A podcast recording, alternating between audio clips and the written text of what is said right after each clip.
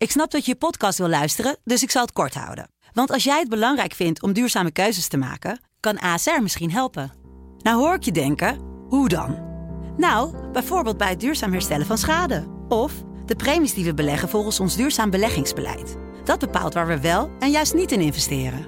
Wil je meer weten over welke duurzame keuzes ASR maakt? Ga dan naar asr.nl/slash duurzame keuzes. ASR doet het. Zo, dan kan je nu lekker naar je podcast luisteren. Je luistert naar het verhaal van Jamie Kloss, een 13-jarig Amerikaans meisje dat getuige was van de moord op haar ouders en vervolgens door de dader werd ontvoerd.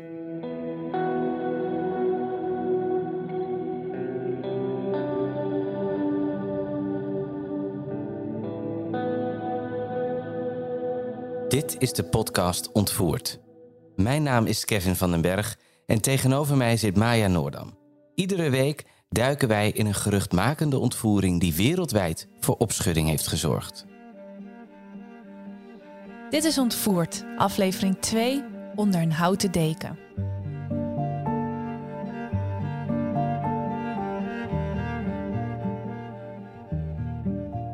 Jamie Lynn Kloss werd geboren op 13 juli 2005 in Barron, Wisconsin in Amerika. Ze was het enige kind van vader James en moeder Denise Kloss, beide werkzaam bij een kalkoenslachterij. Ze groeide op in een fijne, veilige omgeving met veel vrienden en familie. Haar ouders voeden haar zeer liefdevol op en waren dol op haar. Jamie werd beschreven als verlegen en stil en ze had een grote passie voor schaatsen en volleybal.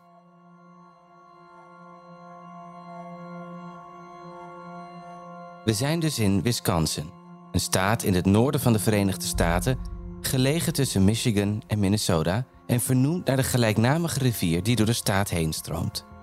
Het is 15 oktober 2018, bijna 1 uur s'nachts. De familie Klaas ligt rustig te slapen als de 13-jarige Jamie plots wakker schrikt door het geblaf van haar hond Molly. Ze staat op en loopt naar het raam om te zien wat er aan de hand is.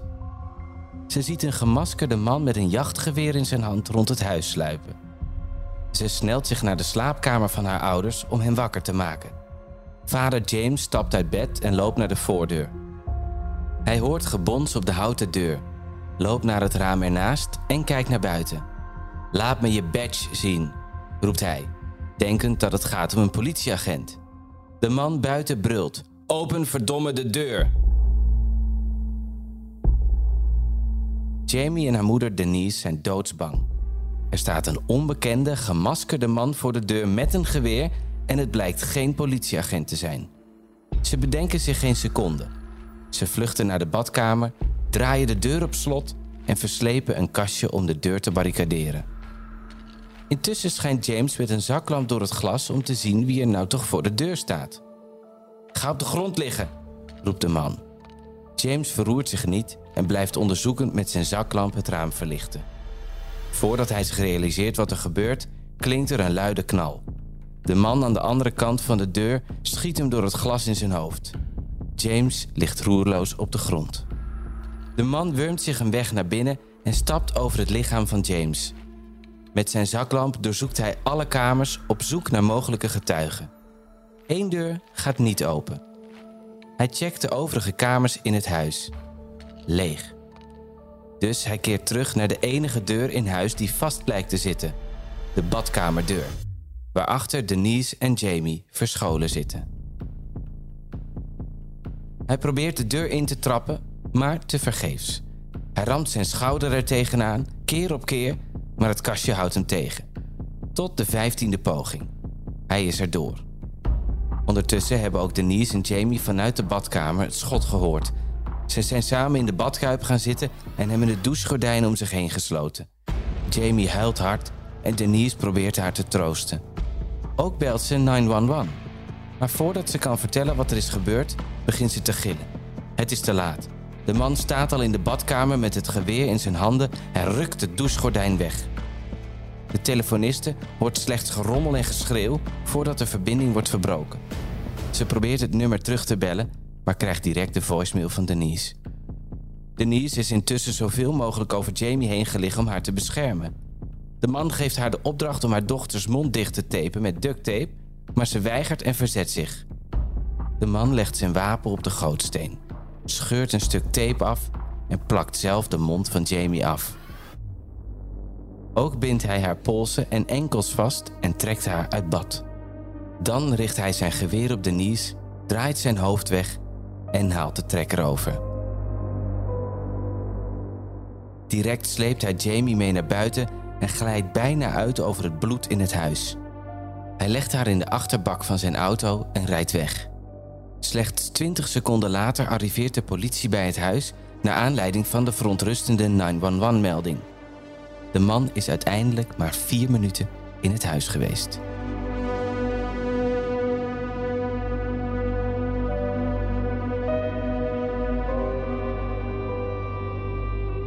Eenmaal in de auto trekt de man het masker van zijn hoofd en drukt het gaspedaal in.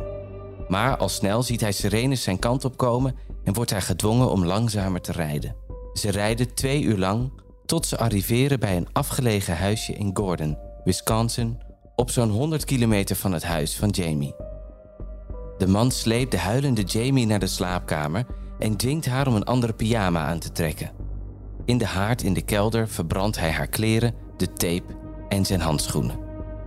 Hij duwt haar onder zijn bed en sluit haar hier vervolgens op door gewichten, wasmanden en tassen rondom het bed te plaatsen. Jamie kan nergens heen. Ze ligt afgesloten op de koude grond onder een klein tweepersoonsbed in een vreemd huis. Ze is doodsbang en verdrietig. De gebeurtenissen van een paar uur geleden galmen nog na in haar hoofd. Ze weet dat haar ouders dood zijn en vreest voor haar eigen leven.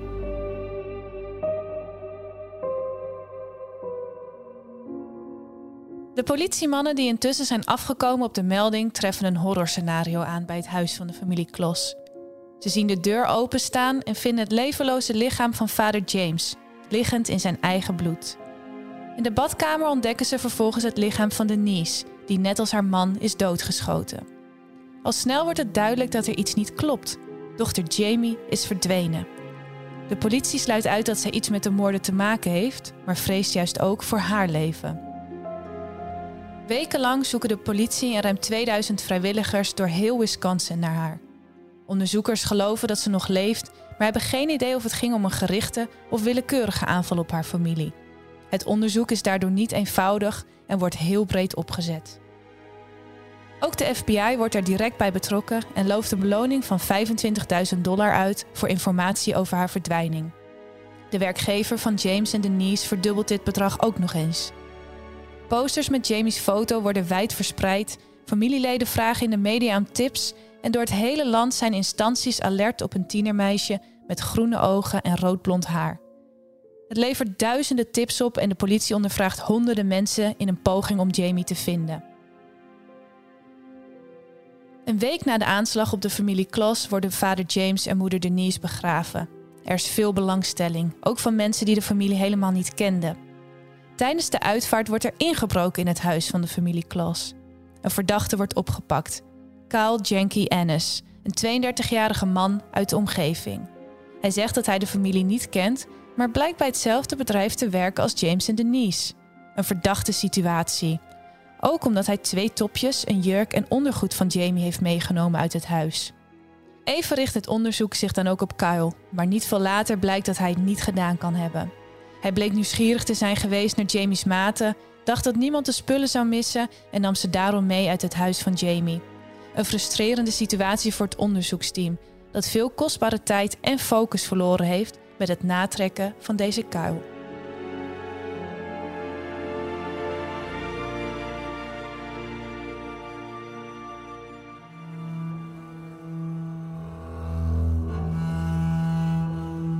Terwijl de politie alles op alles zet om Jamie te vinden, ligt zij wekenlang constant opgesloten onder het bed van haar ontvoerder.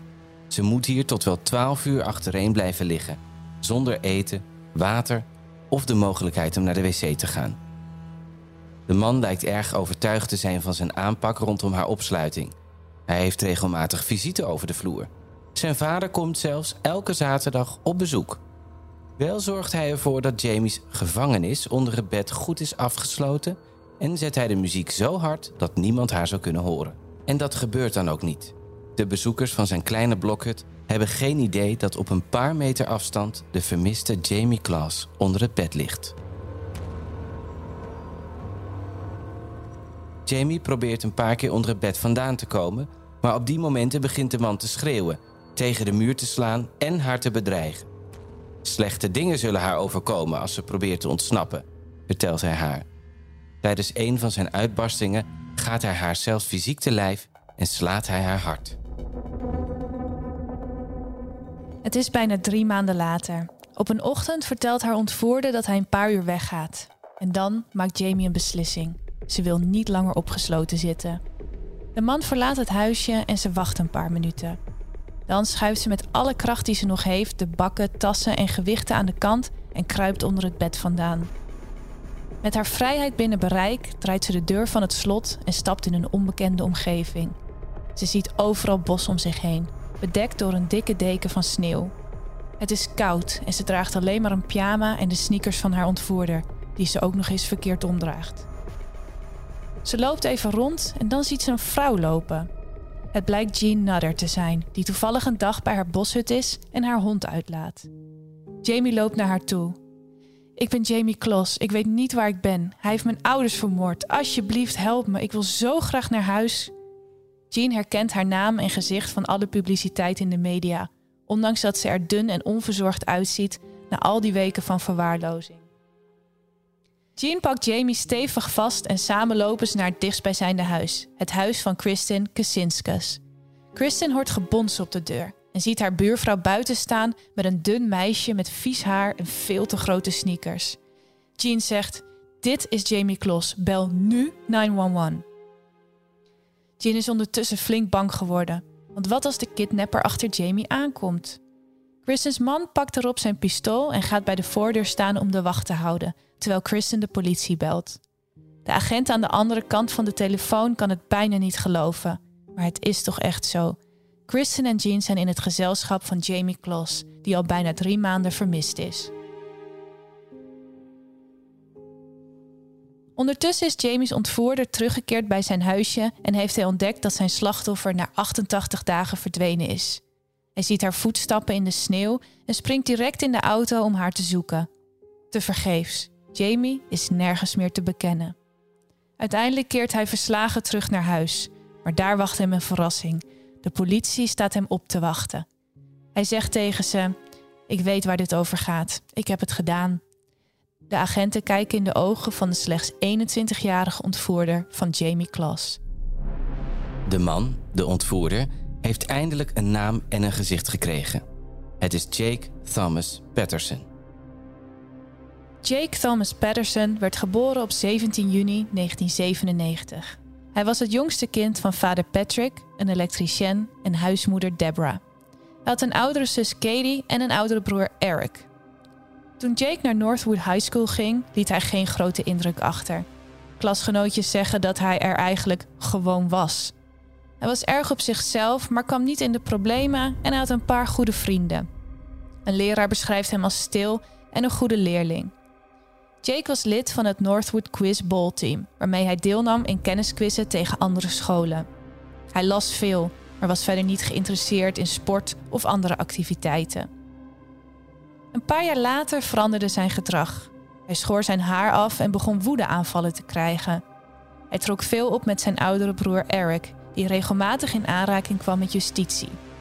Toen hij in 2015 bijna zou afstuderen, was hij ook echt klaar met school. Hij sloeg het eindbal, het klassenuitje en de jaarboekfoto over en besloot zich aan te sluiten bij de mariniers. In het jaarboek van Northwood School werd hij verkozen tot stilste leerling. In week 5 van zijn training bij de mariniers werd Jake naar huis gestuurd en hij trok zich terug in zijn ouderlijk huis in de uitgestrekte bossen van de staat Wisconsin, waar inmiddels al zijn gezinsleden al waren vertrokken. Hij kreeg enkele baantjes waar hij niet langer dan een paar dagen werkzaam was. Hij werkte zelfs een dag bij dezelfde kalkoenslachterij als James en Denise Kloss, maar de kans dat ze elkaar gesproken hebben lijkt erg klein te zijn. Tijdens een van zijn ritten van werk naar huis stopte hij achter een schoolbus en zag een meisje instappen. Hij dacht: haar moet ik hebben en besloot haar te ontvoeren. Het bleek om Jamie Kloss te gaan. Hij volgde haar vanaf de bushalte en ontdekte waar ze woonde. Al twee keer eerder stond hij midden in de nacht voor het huis van Jamie om haar te ontvoeren, maar er waren te veel mensen in de buurt. Voor zijn derde poging pakt hij het serieus aan.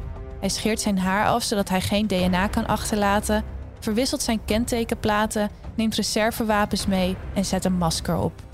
Hij schiet de vader van Jamie dood als deze niet open wil doen, dringt het huis binnen, vermoordt moeder Denise en neemt Jamie mee, het meisje waarvoor hij was gekomen. Twee weken na de ontvoering denkt Jake dat het hem is gelukt en dat hij is weggekomen met zijn misdaden. Hij ontspant en bergt het geweer op dat hij bij de hand had voor het geval de politie zou komen. Hij gaat vaker op pad, maar zet geen extra sloten op het huis om Jamie binnen te houden. Hij denkt dat ze zo bang voor hem is dat ze nooit durft te ontsnappen. Hij voelt zich ook aangetrokken tot haar, maar vertelt later dat hij daar niets mee deed omdat hij zich schuldig voelde dat hij haar ouders had vermoord.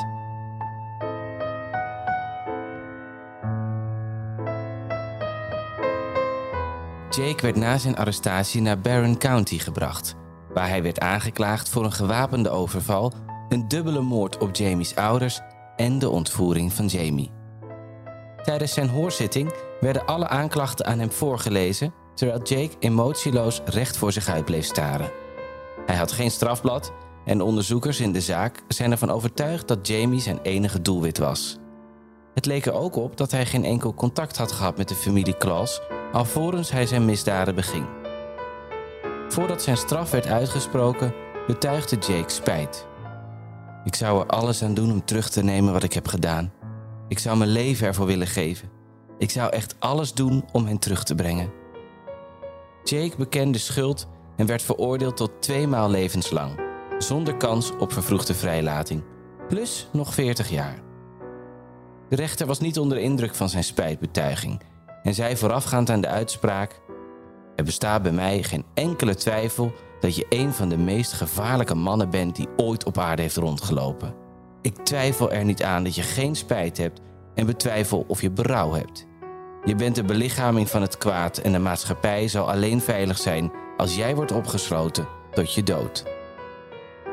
Jake zit nog altijd opgesloten in een gevangenis in New Mexico. Ondertussen geniet tienermeisje Jamie Klaas weer van haar vrijheid.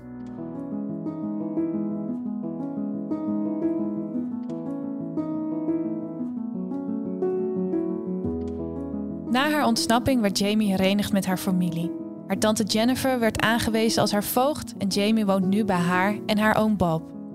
Haar opa vertelde aan de media: Ze is in orde, maar je kan merken dat ze niet meer dezelfde is. In mei 2019 kreeg Jamie de Hometown Hero Award in Madison, Wisconsin voor haar moed en doorzettingsvermogen. In januari 2021, twee jaar na haar terugkeer, brengt Jamie's tante Jennifer een verklaring naar buiten. Het gaat goed met Jamie. Ze heeft plezier in dansen, schoolactiviteiten en zoveel mogelijk andere dingen. Ze is omringd door mensen die van haar houden. Zelfs zei Jamie: Jake Patterson zal nooit mijn moed afnemen. Hij kan me niet tegenhouden om gelukkig te zijn en verder te gaan met mijn leven.